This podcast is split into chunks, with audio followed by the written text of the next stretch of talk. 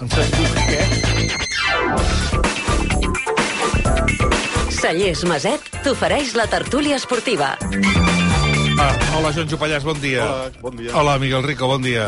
Que us heu posat tots dos adjunts aquí perquè, Sí. per rematar el corno o què? Sí, sí, perquè a més com sí. la conversa crec que serà unidireccional. Sí, hola, Segurola, què tal? Bon dia. Bon dia. Començo amb tu, Santi, començo amb tu. Um, jo ja... Jo he, he de dir que és de les, dels partits que més em vaig emprenyar. O sigui, ahir em vaig emprenyar. O sigui, hi ha un passotisme general. Tu vas a l'estadi i hi ha un passotisme general, però passotisme vol dir passotisme molt preocupant. Un passotisme molt preocupant. Eh, però quan acaba el partit jo vaig a dormir com una mona però molt emprenyat, perquè veig que això no va, perquè veig que això no arria, per, perquè... No, escolta'm, avui, avui el, el, el, el Nolla diu una cosa que és que, que és que ho he comentat aquest matí. Tu no pots anar... És a dir, quan tu tens un mig camp amb Gundogan, Pedri, De Jong, en Christensen de mig centre, que no domini el mig del camp al casa amb aquestes alçades contra el vicecué, és un escàndol, tu. És un escàndol. Jo de bo, em vaig emprenyar perquè vaig veure, ostres, i que, i que l'equip l'aguanti un bebè de 16 anys, perquè te l'aguanta ell, eh? Hòstia, mm, dius, noi, jo no sé, jo no sé. També et dic una altra cosa, estem assenyalant molt tots a Xavi, és veritat, però hi ha una cosa que és l'amor propi dels jugadors també, eh? Si un que t'ho digui. Aviam, Santi Segurola, comença tu. El problema es que cada, cada semana eh, el Barça entra en una rueda eh, de dramatismo y en algunos casos de alegría, depende del resultado. Y me parece que, que yo creo que el Barça tiene que, el, el barcelonismo, los culés, los medios, yo creo que también, para mí no es que sea una causa perdida, pero es- sí creo que el Barça está en una situación eh, digamos, en la que tiene que aceptar su realidad. Y es que eh, valen dos resultados, dos victorias frente a equipos menores, por ejemplo, frente al Alavés, para que se habla de una reactivación, de que eh, el hecho de que Xavi di- dijera que quería quedarse al margen de la situación iba a beneficiar al equipo porque le iba a quitar presión. Entonces yo creo que cada semana se inventa un relato, el Barça, o en el, en- alrededor o en el entorno del Barça también, que no se ajusta a la realidad. La realidad es que el equipo juega mal, está mal diseñado, tiene malos fichajes, eh, no sabe cómo pasar de lo que el barcelonismo o la gente del Barça cree que funciona, que son los jóvenes, y juntarlo con aquello con lo que el Barça ha hecho, yo creo que generalmente mal, unos fichajes que no, que no han funcionado, que no han funcionado en relación con el dinero que se ha gastado. Y digamos que se van construyendo un relato sobre otro. Ahora Xavi eh, ha eh, pues, eh, una charla en el vestuario que ha sido eh, agresiva y que eso va a funcionar y luego no funciona y luego se va y eso es bueno y luego resulta que ahora parece que no es bueno. Entonces hay una eh, sensación constante de, incertidumbre, de, de- caminar eh, sobre, sobre una nebulosa que, mm, que no se arregla.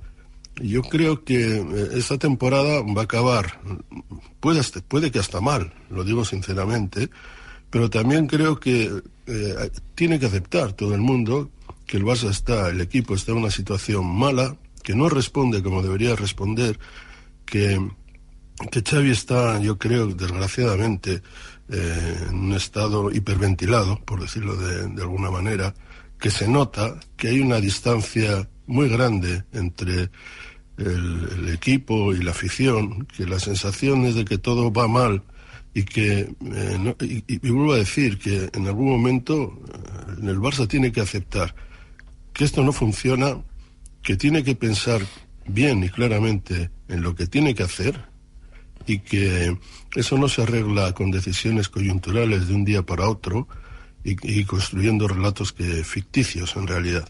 Y el partido de ayer fue eso, fue una nueva demostración de que es un equipo, juegue quien juegue, hay que decirlo así, porque ayer la, la defensa era diferente, pero que esas soluciones mágicas de colocar a Christensen en el medio campo, de hacer, de hacer experimentos, no funcionan. Pueden funcionar un día, pero no es lo que se corresponde con la construcción del equipo. Y el problema que yo veo es que tiene que haber un giro radical, un giro radical donde el Barça tiene que vender jugadores, tiene que venderlos como sea, tiene que conseguir el mejor precio posible por jugadores que tienen buena venta, pero que no funcionan en el Barça, y saber que tiene que apretar los dientes. Y no, no, no veo que eso esté ocurriendo. Joanjo. Doncs es fa difícil venir aquí als, als dilluns sí, sí, i trobar arguments per explicar el que passa, perquè ara sentia el Santi i parlava d'aqu- d'aqu- d'aquesta mm, poca assumpció de la realitat del barcelonisme. Eh, jo no ho sé. Ara, ara mateix el barcelonisme no sé on, no sé on para. Eh, jo ahir vaig estar a Montjuïc una altra vegada i si, i si el barcelonisme és el que jo vaig veure ahir a l'estadi, eh, al minut 16 va fer la onada. Eh, per tant, el barcelonisme que jo conec no està representat a l'estadi, cosa que fa molt difícil saber com respira. I per què va passar això? Doncs perquè la meitat o més eren estrangers o gent que no està habituada a anar al estadi de Montjuïc perquè recordem que el soci del Barça ha dimitit d'anar a Montjuïc. Per tant, el Barça està en una crisi estructural de fallida del primer equip, de la, dels gestors, eh, fins i tot hi ha hagut unes declaracions que avui seran corregides per Deco sobre el model de... Perquè aquí han estat corregides per l'editor del diari, Sí. eh? Sí, sí, sí, sí, sí. ja ho corregit, o sigui, l'editor... Sí, sí, però vull dir que, que, que, aquesta, que planeja aquesta crisi de, del model de joc, planeja la crisi del model de propietat, eh, i, el, i el Barça es va, es va desfent, com el coneixíem. Eh, ja sé que és una mica dramàtic, però jo eh, vaig a Montjuïc i no, i no reconec moltes coses. No reconec l'equip jugant perquè és un equip que no transmet res, que ve al Granada, que és... Eh, segon per la cua, que només ha fet un punt amb tota la lliga fora de casa, a camp de l'Almeria, que és el QE, i resulta que et fot tres gols, eh, que suposats lideratges de jugadors amb els que tu confiaves no, no, no, no s'ensenyen, no es mostren, i l'únic jugador que dona la cara és un nen de 16 anys, eh, Xavi no troba ni la troba, ni, no l'ha trobat ni la tecla ni el clic ni res de res eh, perquè jo crec que l'equip és un equip eh, absolutament eh, desfet, no transmet res, no, no, no juga res, jo no, no, no sé a què juga el Barça. Per tant, tot, la composició general és molt decebedora i és molt difícil trobar-hi solució. Ara deia el Santi de que s'ha de vendre jugadors, etc etc. però és que això és un tornar a començar que jo no sé on portarà. Ni sabem l'entrenador que vindrà, ni el discurs eh, oficial que un espera rebre d'una línia més o menys coherent la rebem, perquè jo no sé quin és el discurs de comunica comunicativament parlant del Barça. Jo no sé cap a on va el Barça. Eh, per tant, mm, tot plegat, el, el, el, la fotografia general és de desconcert, fins i tot a l'hora de trobar solucions perquè, perquè mm, sí, és veritat, el Barça l'altre dia va guanyar camp de l'Alavés, però aquí ja van fer una interpretació molt moderada de la victòria perquè sabem com és aquest equip. Aquest equip li dius o, o t'enganxes mínimament i et decep i te la fot al següent partit i ara l'únic que hi ha a l'horitzó, perquè la Lliga està perduda, en- en- desenganyem-nos, eh, és uh, la Champions. Ja, Miguel Rico. Eh, la Champions tothom diu, no, perdona, el Nàpols eh, no està bé, va no bé. Bueno, sí, sí, la Granada va, va, va, va segon per la cua. Qui, qui, què et diu? Que el Nàpols no, no, no, no et fotrà... Si el Villarreal va et fotre 5 a casa, si el Granada fa 3... I... Mira, avui li he demanat una cosa a l'Albert Pedrol, que és que em mirés amb Gavi des de que ha desaparegut Gavi de l'equip. Doncs el Barça va guanyar 27 punts de 32 en Gavi. Sense Gavi el Barça n'ha deixat escapar 12. 24 de 36. tu em diràs, home, amb un jugador com Gavi, doncs potser és que falta algú que mossegui allà al mig del camp, perquè estem parlant de que Això segur. el Barça va guanyar 27 de 32 amb Gavi, eh? El que passa que si fas aquesta comparativa... Ja, ja, ja, i, no, no, no, i par- parles, per exemple, eh, de les baixes que ha tingut el Madrid, que són Sí, sí, sí. brutals, No, no, jo només et poso l'estructura perspectiva... aguanta... Que Sí. sí, no, escolta'm, jo compro la teoria de Gavi, però te, te la signo amb sang, si vols, és perquè, no, perquè és és, és tan obvi que aquest eh, jugador era el cor del, de l'equip, però no pot ser que per un jugador Clar, es desmonti a la paradeta. Clar, clar, no, quan a més és un jugador com que és Gavi. Vull Sí, dir, sí. no estem parlant ni de Jong, no estem parlant ni Sí, de sí. Gundogan, ni estem parlant de... Sí, sí. de Lewandowski, de Pedri. De Pedri, clar, és que és Gavi, eh? Gavi, perdona, eh, Rico. Jo no penso dir res del partit d'ahir, perquè em sembla que del joc del Barça hem dit cada setmana el mateix.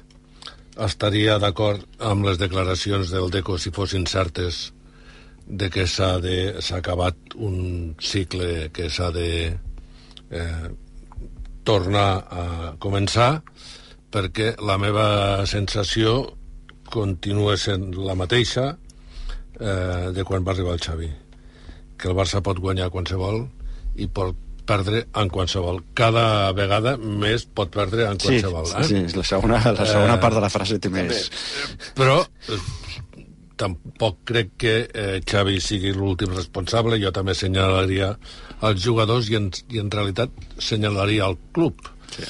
Però avui he anat de bon matí a fer-me uns anàlisis a l'elecció i he tornat a passar per davant de l'estadi i crec que l'estadi, la foto de l'estadi reflexa bastant la realitat del Barça, que no és que estigui en construcció, està en reconstrucció l'equip i el club. El club és com eh, els ricachons d'abans que es donaven una imatge tremenda de grandeur i arribaves a casa i no tenien res a la nevera. pues el Barça està pendent pendent del proper ingrés de 5 euros i el Barça de futbol està pendent del proper resultat. Viu enganxat a l'últim resultat. Si tu vius al dia esportiva i econòmicament, és impossible que hi hagi un projecte. I és impossible que hi hagi un projecte si el discurs institucional no es correspon a la realitat que veu tothom. Si a, ti, a tu et diuen estem en condicions de guanyar la Lliga, la Champions, el triplet, el sextecte i el Déu que ho va parir, ja. la gent arriba a creure-se. ja. Però la realitat és que tu veus jugar al Barça i dius, però com és possible que el Barça empati amb el Granada a 3 i el Granada l'únic que ha fet com a resultat fora de casa és empatar cap de l'últim, al camp de l'últim que no ha guanyat cap partit i ahir tu dius és que el Barça ha tingut mala sort perquè no, no, sí, és que el resultat és com a mínim just Són les 11 i 13. Un moment, sisplau, un segon, un segon. Quart de 12. Tot això passa quan la Lliga, no sé qui ho deia, que estava perduda. Jo ja ho he dit. Jo crec que hi ha ningú que pugui dir ara que en aquests moments el Barça pugui retallar Bueno, bueno, 10 no, punts al no, Madrid, no, perquè no, aquí hi ha una no. història, que és que has, tu has de perdre tu has de guanyar-ne 4 que el Madrid els perdi. O sigui, això per començar, cosa que no veig pas factible, perquè l'altre dia jo crec que vaig veure el millor partit del Madrid de la temporada i el pitjor partit del Girona de la temporada. és, probablement les dues coses sí. Sí. el Girona Sí, però- va fer gran el- l'estadi el, el rival probablement la responsabilitat i el Madrid va jugar bé o molt bé amb la, el particular cas del Vinicius eh, que eh, ha millorat el seu cap el seu cap com a jugador ara sembla que entengui el futbol i és capaç de jugar com juguen els cracs sent boníssim amb les seues qualitats i sent capaç de fer millor els seus companys amb assistències de màxim nivell. Sí, jo crec que la Lliga està liquidada. Jo crec sincerament també que el Barça, el club, també pensen que la Lliga està liquidada i per això eh, el futur de Xavi depèn ja del, del Napoli. Si no passa el Napoli... No, eh, és, és, que és el que vaig comentar la setmana passada. No només és una qüestió de, de mm, sensacions, que al Madrid et dona la sensació d'un líder que li passi el que li passi eh, se'n surt i eh, té mentalitat guanyadora i a més juga bé a futbol eh, sinó que és que el Barça eh, t'ofereix unes eh, sensacions eh, antagòniques i té un calendari pervers o sigui, ha d'anar al Bernabéu ha d'anar al Metropolitano ha d'anar a Montilivi, ha d'anar a, a Sant Mamés per tant, eh, Sant Mamés ha tornat. jo crec que Mira, el cap de setmana que ve tenim, espera. jo, jo, jo crec que ha de tornar a pensar i a fer un missatge realista que és el de quedar entre els quatre primers home, sí, aquesta és i, l'objectiu. i l'objectiu. el que passa que és un club que li costa me, molt ser realista des de fa massa temps i, i, i, i, no, i no té ganes de, de dir-li les coses eh, com pel seu nom des de fa temps. Jo eh, recordo al gener declaracions tant de la Porta com de Xavi dient que estaven vius a quatre competicions, em sembla que eren, uh -huh. doncs queda una. I a més és molt improbable eh, guanyar-la. 11 i 19, hem d'acabar. En un minut, Segurola, què vols dir? No, con respecto al partido Madrid-Girona, hay que decir que el Madrid jugó muy bien hay- y hay que decir que jugó sin el, por- sin el mejor portero, sin su mejor portero, el mejor portero del mundo, Courtois, y con los tres centrales lesionados. Con Militao, con Álava, con Nacho. Tuvo que jugar con un, un, eh, ce- un central que mide unos 72. Esto es una cosa increíble, pero jugó Carvajal y lleva ya dos partidos. Con un medio centro, eh, Chouameni, que se retrasó y, sin embargo ganó con una autoridad enorme porque es un equipo que sabe lo que hace, está comprometido y además ha jugado 10.000 partidos como el que jugó frente al Girona. Y el Girona no ha jugado ni 10.000, ni 1.000, ni 5 partidos, ni 2, como que tenía la posibilidad, remota si quieres, de hacer, en, hacer historia en el Bernabéu. Y yo creo que sintió el típico horror al vacío el primero que lo nota es el Madrid. El Madrid cuando te mira, el jugador del Madrid cuando te miran a los ojos saben que eh, sabes cómo está y el Girona no estaba para este partido por las circunstancias que, que fueran y hay que decirlo que comprendo perfectamente esta situación. El Girona eh, está en una posición que mejora cualquier expectativa, no en España. Cuando el Leicester, el famoso Leicester, ganó la liga inglesa, eh, por sorpresa, frente a todos los grandes de, de la Premier, lo ganó con una puntuación a estas alturas que era inferior a la que tiene el Girona. Por lo tanto, lo que ha hecho el Girona es verdaderamente extraordinario y será igual de extraordinario si es capaz de mantener la compostura de aquí hasta el final y entrar entre los cuatro primeros. Hay que decir que el Barça se la está poniendo fácil, por ejemplo. Y en este sentido, eh, creo que tiene una oportunidad única.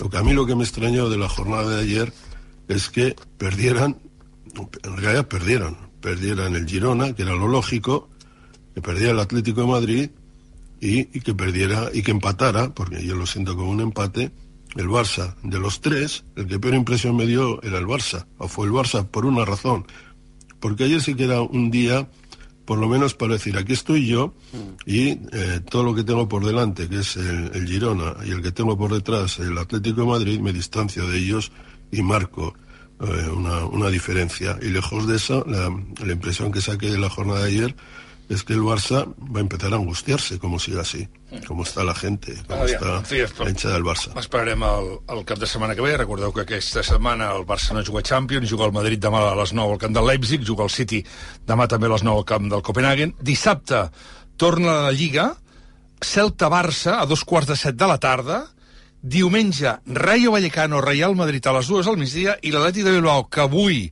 pot acostar-se al Barça, torna a jugar dilluns, en aquest cas contra el Girona, també a les, en aquest cas a les 9 del vespre.